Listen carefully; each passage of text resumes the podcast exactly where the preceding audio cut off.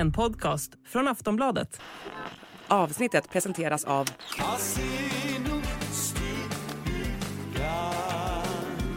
Stödlinjen.se, åldersgräns 18 år. Hej och välkomna till Kungligt. Jag heter Sara Eriksson. Och jag heter Jenny Alexandersson. Det här avsnittet är fullt av era spännande frågor. Vi kommer svara på vad som händer om Estelle skulle vilja gifta sig med en annan kvinna och skaffa barn med henne. Och vi kommer berätta varför prins Daniel aldrig kommer att få titeln kung.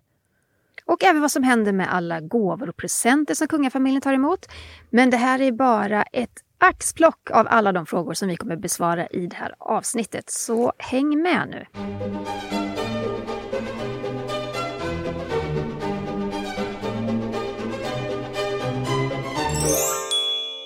Men det är ju fantastiskt när ni skickar in lyssnarfrågor till oss. Eh, Vi brukar ju besvara några i varje avsnitt men nu har vi verkligen tagit ett tag kring alla era spännande frågor och samlat ihop dem i ett avsnitt. Mm.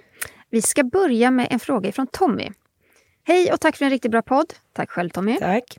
Om prinsessan Estelle skulle gifta sig med en kvinna och de nu skulle bestämma sig för att skaffa barn och det är hennes fru som då bär barnet, då blir det ju inte prinsessans biologiska barn. Hur gör man med tronföljden då?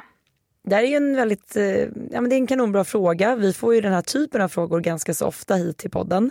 Eh, adopterade barn har ju fungerat förr i tiden eh, så idag anpassar man sig nog till tiden och de regler som råder i kungahuset. Ja, alltså de regler som gäller för alla andra svenskar gäller även för kungligheter och om två kvinnor skaffar ett barn tillsammans, jag kan inte exakt proceduren, men visst är det så att den andra kvinnan då måste göra en adoption av barnet på något vis, eller man måste så registreras för att det ska vara räknas som, ett, eh, som ens barn. Ja, och barn har ju adopterats in i kungafamiljen tidigare så Oh, det är ju ja. inga konstigheter då mot nu. Och precis som du är inne på Jenny så gäller ju samma regler för kungligheterna som för alla andra. Så att eh, då, det här barnet skulle då bli adopterat av prinsessan Estelle. Och därmed en plats i tronföljden. Ja. Vi har fått en fråga ifrån Frida som skriver så här. Hej, varför blir kungens respektive drottning? Men om det är en drottning som är regent så blir den respektive prins. Ja, men Frida, det här är en jättebra fråga. Man kan tycka att det är djupt ojämlikt. Varför blir en kvinna som gifter sig med en blivande kung drottning när han blir regent? Men en man som gifter sig med en kronprinsessa blir inte kung. Ja, men det har att göra med själva värdet och innebörden av själva ordet kung. Kung är man bara när man är regent. Men ordet drottning har inte alls samma innebörd, för drottning kan man vara utan att vara regent. Och ett annat exempel på det är ju drottning Elizabeth och hennes man prins Philip. Han blev ju aldrig kung utan titulerades som prins. Ja, och Margretes eh, ex, eller ja, han, av, han är ju avliden, eh, prins Henrik. Mm. Han eh, var ju jättearg ganska lång tid för att han inte hade samma status, samma kungliga status som eh, sin fru. Och det har man ju hört att prins Philip också hade lite problem med Ja. i början. Just sådär att man, man hade en lägre status än sin fru, man skulle alltid gå ett steg bakom och så vidare. Men det är ju det, det, är det som ingår i ens roll som partner då till en regent. Att man, man står något steg bakom den andra helt enkelt. Vi har fått en fråga ifrån Victoria. Prinsessa Madeleine flyttar ju hem ifrån Florida. Kan en anledning vara att det har blivit hårdare klimat i Florida? Guvernören vill detaljstyra skolans läroplan och lärarna ska inte få prata om till exempel mens med eleverna för de är över 11 år. Och detta är bara ett exempel på hårdare regler och inställningar till vissa frågor. Florida just nu är en motsats mot Sverige gällande värderingar på mänskliga rättigheter. Tack Victoria för en spännande fråga. Ehm, vi kan ju nämna det att Victoria, hon bor i USA, eh, så vet ni det. Ja. Eh, Det har ju blivit ett hårdare klimat kring vissa frågor och rättigheter. Eh, Ett lagförslag i Florida kan göra det förbjudet att samtala om mens i de yngre årskurserna i skolan. Vilket jag personligen, som du svarar på frågan, tycker är helt sjukt. Ja, verkligen. Eh, Enligt förslaget ska ämnet inte få tas upp förrän barnen är runt 11 till 12 år gamla. Det här är såklart fruktansvärt. Det finns flickor som får mens tidigare än så och eh, om mens ska vara ett ämne som är tabu i skolan så är det ju såklart inte bra. Eh, men om vi ska då titta på prinsessa Madeleines flytt så är den enda förklaringen vi har fått att hon och Chris vill att barnen nu ska få en svensk skolgång. Och eh, det är ju såklart att det kan finnas fler anledningar till det här som inte vi vet om. Och man kan ju se på prinsessan Madeleine som ja, hon jobbar för barns rättigheter via Childhood Foundation. Såklart ligger ju alla sådana här ämnen väldigt nära hennes hjärtefråga och engagemang. Mm. Men vi får väl se om det kommer någon mer förklaring till flytten än, än den vi har fått mm. hittills. Vi har fått en fråga ifrån en lyssnare från Norge som skriver så här. Hej, jag lyssnar på alla era avsnitt från det första till det, till det sista. Väldigt intressant och lärorikt. Vad kul! Ja. Tack! I Norge så använder vi namnen Kungliga, i, Kungliga Utrikesdepartementet. Detsamma gäller alla norska departement. Det gäller även på alla ambassader. Använder man ordet kungligt på, på samma sätt i Sverige? Nej, det gör man inte riktigt i Sverige idag, så det finns en tydlig skillnad där mot Norge. Men man har ju gjort det tidigare i historien.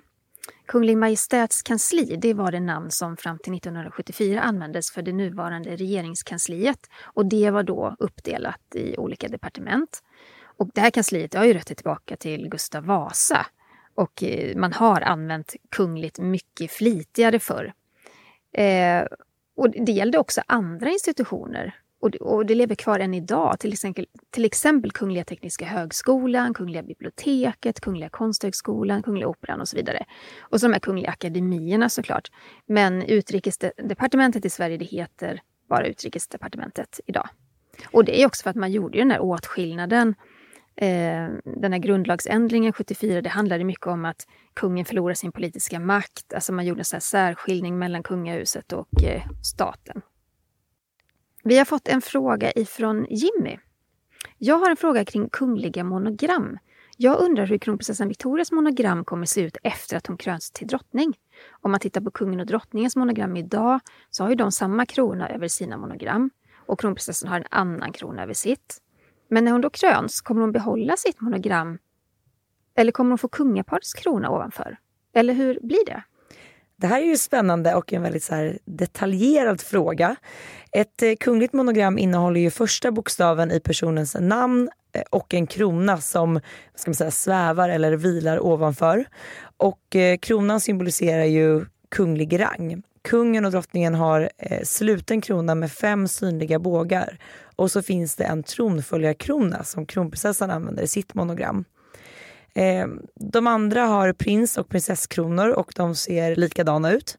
Men då när en tronföljare blir regent så får den personen den kungliga kronan med högsta rang i sitt monogram. Så svaret på frågan är ju att kronprinsessans monogram kommer att ändras den dagen hon blir drottning. Vi har fått en fråga ifrån Line som skriver så här. Hej Sara och Jenny. Jag undrar om vem som helst får lov att bjuda upp medlemmar ur kungafamiljen till dans om man skulle vara på samma fest. Eller är det de själva som måste ta initiativet? Ja, kungafamiljen de dansar ju aldrig vid officiella tillfällen. De gör det inte vid Nobel, de gör det inte någon annanstans heller. För skulle de tacka ja till en dans, då måste de ju dansa med alla andra. Och det går ju inte då, skulle de inte få göra något annat resten av natten. Det är en lång danskväll då. Ja, men självklart så dansar de vid privata tillställningar om de är på det humöret. Men då är det ibland mycket nära vänner. Ingen skulle ta illa upp ifall drottningen nobbar en dans om hon skulle vilja avstå eller fått ont i fötterna av festskorna. Men, men, man kan väl tänka så här då. Generellt om man vill vara riktigt artig så kan man ju ta som regel att låta kungligheterna själva välja om de vill bjuda upp till dans eller inte. Apropå dans i privata sammanhang så såg vi ju många bilder ifrån prins Carl Philip och prinsessan Sofias bröllop. De hade ju bröllopsfesten på Kungliga slottet och man kunde ju faktiskt se det utifrån gatan hur det var discolampor, väldigt hög musik, eh, DJ till ja, men sent in på natten. Och då såg vi ju hur kungligheterna faktiskt rockade loss där inne. Ja, och kungen och drottningen stod på scen och dansade. Och eh, kungen är ett party animal när han vill. Yeah. Eh, och eh, just på kungliga bröllop så kan det bli... Man, många har ju en sån bild av att ja, det är lite tjusigt och artigt, kanske lite stelt. Det kan jag berätta att det är det inte. Nej. Från den här liksom middagen som ser så du vet, fläckfri ut, väldigt ja. så korrekt allting, till att man faktiskt kan ha en kul kväll på dansgolvet. Det är party. Det är party. Vi har fått en fråga ifrån Michelle som skriver så här. Tack för en bra podd. Tack Michelle. Tack. När prinsessan Anne dör, vem får titeln Princess Royal? Går den över till hennes dotter eller blir det till prinsessan Charlotte? Ja, men först så går den tillbaka till kungahuset och regenten, för det är bara regenten som kan dela ut den. Och det innebär att prinsessan Anns dotter, hon kan aldrig ärva den. Och det spekuleras i om prinsessan Charlotte en dag kommer få ta över Princess Royal. Och på något sätt så är det ganska logiskt. Hon är syster då till Storbritanniens framtida kung. Så ja, det, det är väl troligen så det blir, att Ja. Charlotte blir Princess Royal. Vi har fått en fråga från Patrik. Jag tycker om att lyssna på er, men tyvärr upplever jag att ni inte betraktar det svenska kungahuset lika kritiskt som ni ifrågasätter det engelska kungahuset. Ett exempel är kröningen av Charles och kung Carl Gustaf. Ni tycker att det är bra att Charles väljer att tona ner sin kröning i de här tiderna av dålig ekonomi, men ni är inte alls eh, kritiska eller ifrågasätter inte varför det svenska kungahuset valt att inte fira mer återhållsamt när kungen firar 50 år på tronen. Det här är en väldigt eh, spännande och en, en bra fråga tycker jag. Eh, jag skulle säga så här att jämföra kung Charles kröning med eh, svenska kungens firande av 50 år på tronen är till att börja med två helt olika saker. Eh, kung Charles kröning är någonting väldigt, väldigt stort som kommer att kosta enormt mycket pengar. Och med det sagt menar jag inte att vår svenska kungsfirande är gratis utan vi vet vilket belopp som är satt för det och hur det här firandet kommer att se ut. Eh, Sen har ju kungen, eh, kung Carl Gustaf varit väldigt noga med att det här firandet av hans 50 år på tronen och Sveriges Eh, firande 500 år som nationalstat ska tas ut i hela landet. Att det inte ska vara centrerat till Stockholm utan eh, kungaparet besöker ju alla Sveriges län och med det så belyser man också landsbygden i Sverige på ett annat sätt vilket jag som själv är född och uppväxt på landsbygden tycker är väldigt viktigt att man gör. Så jag tycker inte riktigt att man kan jämföra kröningen av kung Charles som handlar om bara han som person i centrum, en kröning i London. Eh, det kommer vara ett enormt eh, kostnadsprojekt, ett enormt säkerhetspådrag. Eh, det går inte riktigt att sätta dem i, i, liksom, bredvid varandra och jämföra på det sättet. Eh, Så det är väl mina tankar kring det hela. Eh, Och, och jag tycker också det är fint det här med att man väljer att ha den här en, en fest för allmänheten när kungen fyller år. Det är liksom, allting är inte bakom liksom stängda dörrar eh, där bara kungligheter får vara med utan det är, man har försökt att göra det här till ett event för hela landet. Jag håller helt med dig. Jag, jag tänker lite samma. Men jag, jag vill bara lägga till det att eh, jag tycker det, vi uppskattar när det kommer såna här kommentarer att hallå där, är ni inte mer kritiska här eller är det där? Eh, för det kan också ge oss en, en tankeställning kring ämnen vi väljer att prata om och så vidare. Så att eh, vi gillar kritik också. Tack. Det gör vi. Tack. Patrik. Tack Patrik. Vi har fått en till fråga ifrån Patrik. Jag vet inte om det är samma Patrik eller om det är någon Det är annan. samma. Det är samma. Mm. Varför är Carl Philip och Sofia med på representation när Daniel och Victoria är närvarande med tanke på att kungen har klippt grenar? Vilka grenar är klippta? Madeleines gren, den har ju Madeleine själv valt. Bra podd, tack. Det är ju oftast kungaparet och kronprinsessparet som representerar kungahuset. Och det är ju den nya giv som gäller från och med hösten 2019 när kungen bestämde sig för att slimma ner kungahuset. Han ville tydliggöra vem i familjen och hur många som ska få representera landet och kungahuset.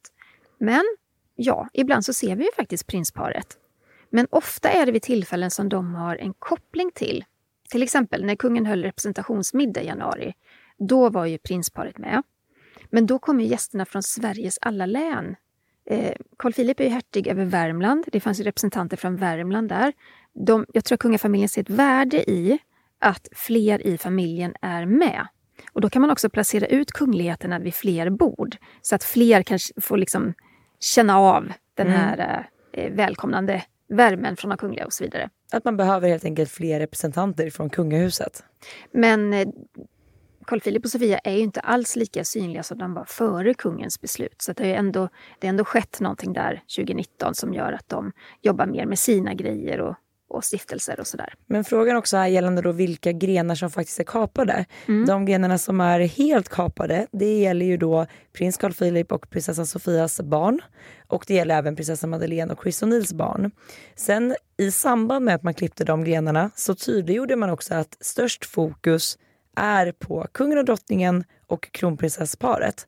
Eh, och i och med det så har vi inte heller sett prinsparet i samma utsträckning i de här kungliga eh, officiella eh, tillfällena och eh, likväl Madeleine som då har bott utomlands. Vi får ju se ifall vi kanske kommer att se Madeleine oftare nu när hon flyttar hem till Sverige eller inte.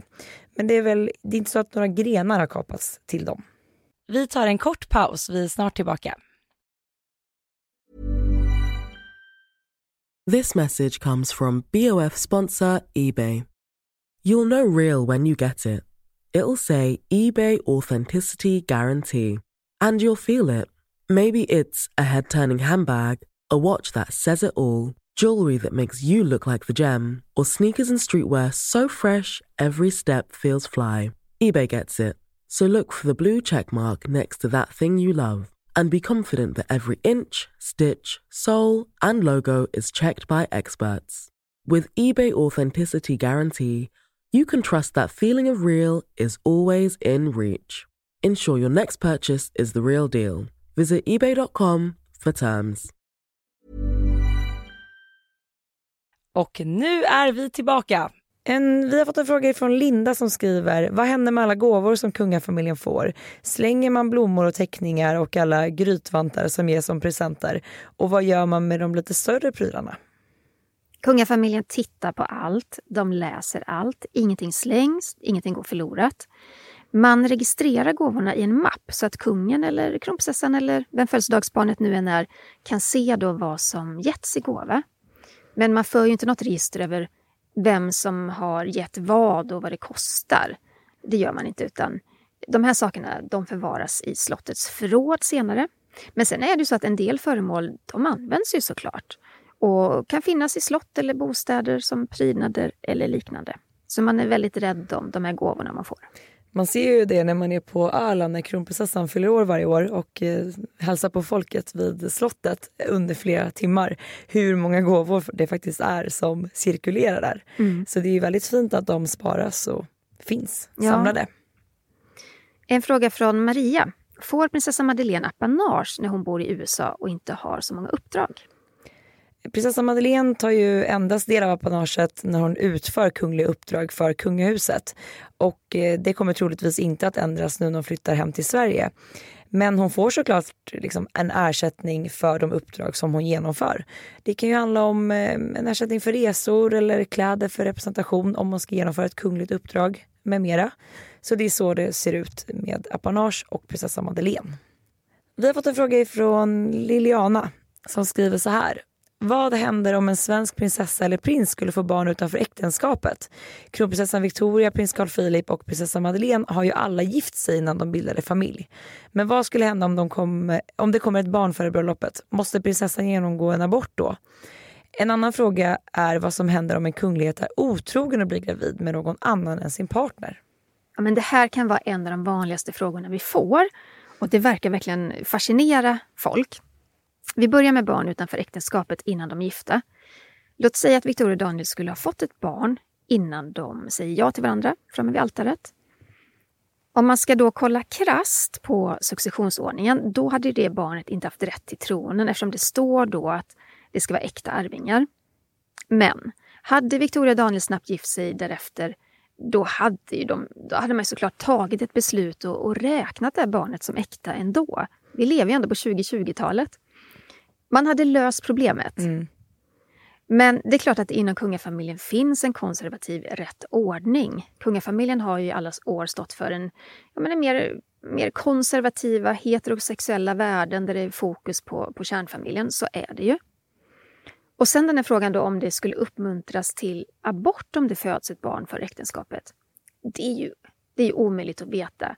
Men det är ju också så här, kungaparet är ju vettiga, kloka människor och föräldrar till tre barn. Vi lever i en modern tid. Nej, det är ganska otänkbart att någon då skulle försöka övertalas att genomgå en abort. Mm. Nej. Men det här med oäkta barn då, det är också intressant. För ett par generationer sedan då hade ett oäkta barn knappast visats fram i kungliga kretsar. Man hade säkerligen sörjt för det här barnet och betalat pengar för det. Så att det hade liksom haft sin försörjning säkrad. Men det hade ju varit otänkbart då att visa fram det. Men vi kollar på den belgiska exkungen Albert. Han fick ju faktiskt en dotter med sin älskarinna. Och han hade en älskarinna under ganska många år. Och den här dottern Delphine Boel, hon växte ju upp de första åren tillsammans med kungen, fast då liksom i hemlighet. Ja, hon har ju beskrivit honom som att hon mer trodde att det var en kompis till hennes mamma innan hon förstod att det var nog mer än så. Men hon växte upp och hon krävde då till slut ett faderskapstest. Och då var hon väl över 50 år tror jag. Eh, och efter mycket krångel från kungens sida så tvingades han till slut att ta det faderskapstestet. Och man kunde ju då se att ja, han är pappa till Delphine Boel. Så rätten dömde då till Delphine Boels fördel. Idag har hon både en kunglig titel och har rätt att ärva sin far. Jag tror till och med hennes barn har kungliga titlar. Ja, och man ser ju nu hur, eh, hur hennes då halvsyskon verkligen har tagit emot henne i familjen. Och hon är ju med vid eh, en del kungliga eh, framträdanden tillsammans med dem. Så hon har ju verkligen kastats in i den här kungliga världen på, ja men efter, hon är över 50 år och helt plötsligt lever som prinsessa. Det måste vara en väldigt konstig omställning att inte ha vuxit upp i den världen och, och lärt sig liksom hela uppväxten och sen helt plötsligt bara vara en del av det. Men där är ju verkligen ett, ett tydligt exempel på frågan här, vad som händer vid en då otrohet, ett barn utanför äktenskapet. Hon är konstnär och har ställt ut massa tavlor. Hon har också varit med i eh, belgiska Let's Dance. Ja just det, Ja, så hon, hon är lite mer, lite mer färgsprakande kanske. ja men verkligen. Eh, det här är en fråga till dig Sara och den kommer från en tjej som heter Sara också. Perfekt. Hej och tack för en bra podd. Jag undrar varför prinsessan Sofia bara bär diademet som kallas hennes privata. Får hon inte använda några andra diadem från kungahuset? Och det här med diadem älskar jag som ni vet. Det tycker jag är spännande. Ehm, hon får, som, som frågan lyder, så att ja, vi ser henne ju oftast med sitt privata diadem som hon fick eh, inför bröllopet med prins Carl Philip. Eh, hon bär det allt som oftast, men hon får också bära andra diadem och det har hon gjort. Vi har ju sett henne bära det lilla ståldiademet och vi har sett henne bära diademet som tillhör ametistgarnityret.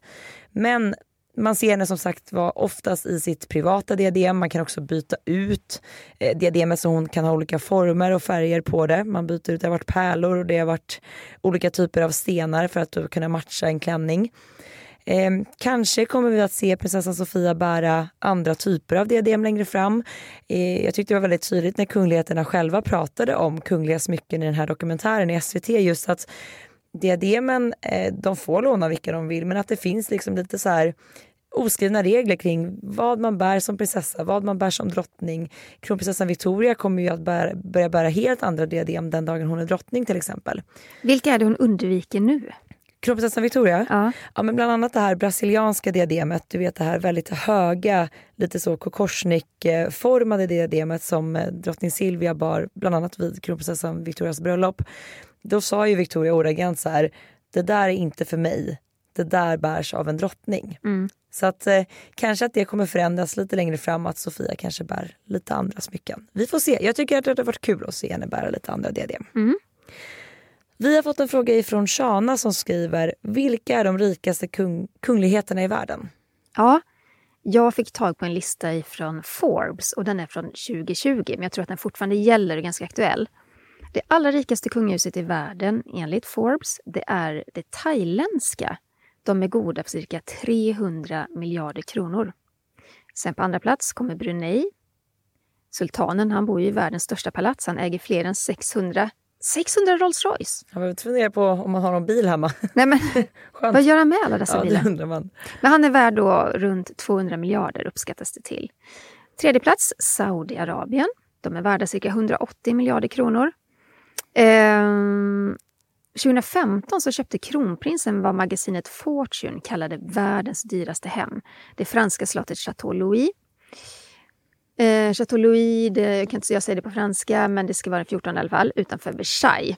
Och det kostade 300 miljoner dollar. Alltså, det är för 17 2,7 miljarder kronor. Men är det inte där det finns en sån här guldbeklädd fontän och Jo. marmorstatyer och liksom Ja men det är liksom så här så mycket extra allt vid det här Extra slottet. allt. På massa detaljer. Mm. På fjärde plats Abu Dhabi. Femte plats Dubai. Sen kommer ett europeiskt land på sjätte plats. Luxemburg är tydligen rikast av alla kungahus i Europa. De är värda cirka 40 miljarder. Sen kommer Liechtenstein, Marocko, Qatar och Monaco. Mm. Mm. Det är en diger lista. Ja men verkligen. Vi har fått en fråga ifrån Millie. Vilken är brittiska Camillas riktiga titel? Ibland så säger man drottning, ibland Queen Consort. Queen Consort är ju den officiella titeln för kvinnan som är gift med en kung. Eh, men man hör ju allt mer bara drottning. Eh, det är ju den titeln som de flesta kommer att använda när man pratar om Camilla. Drottning Elizabeths mamma var ju också Queen Consort eftersom att hon var ingift i kungafamiljen. Men i folkmun så sa man ju drottning till henne också. Och eh, när hennes man dog så kallades hon för drottningmorden men eh, hade såklart kvar sin titel drottning även om hennes dotter då, Elisabeth, var regerande drottning. Vi har fått en fråga ifrån herr Dahlqvist som skriver så här. Vad har kungafamiljen för intressen? Man vet ju att de gillar skidåkning och friluftsliv, men vad mer? Ja, hela svenska kungafamiljen har ett stort intresse för skidåkning, både på, längd, alltså på längden och eh, nedför nerför backar. De gillar att vara ute i skog och natur. Både kungen och Carl Philip har ett stort matintresse.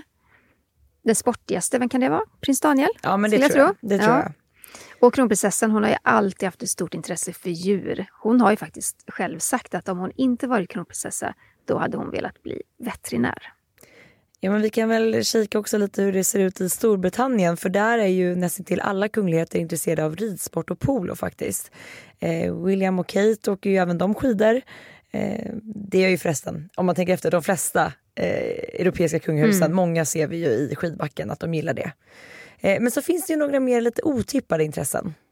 Ja, Kate hon gillar ju att fotografera. Och hon studerade konsthistoria i skolan. Och vi ser ju ofta att det är Kate som fotograferat barnen när de då lägger ut bilder på Instagram och så vidare. Prins William han är förtjust i motorcyklar. Han har faktiskt skaffat sig motorcykelkörkort. Mm. Och deras barn då, George och Charlotte, de älskar också att åka skidor och eh, de går faktiskt båda två på ballett. Just det. Och sen vet vi att prinsessan Estelle här i Sverige gillar dans och att hon även lyssnar på hårdrock. Hon och prins Daniel har ju varit på flera konserter. Vi har bland annat sett henne vid, eh, var en Kisskonsert här i Stockholm? Ja, att det var det. Ja, det ja. var det.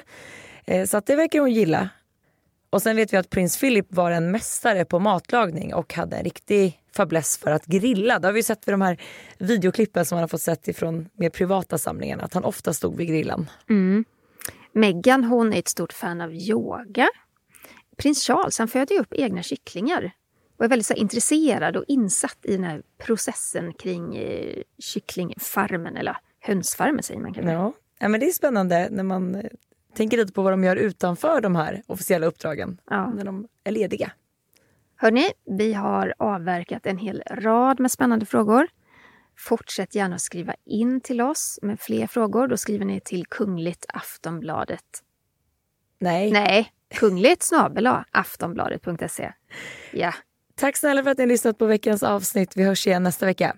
Hej då! Hej då!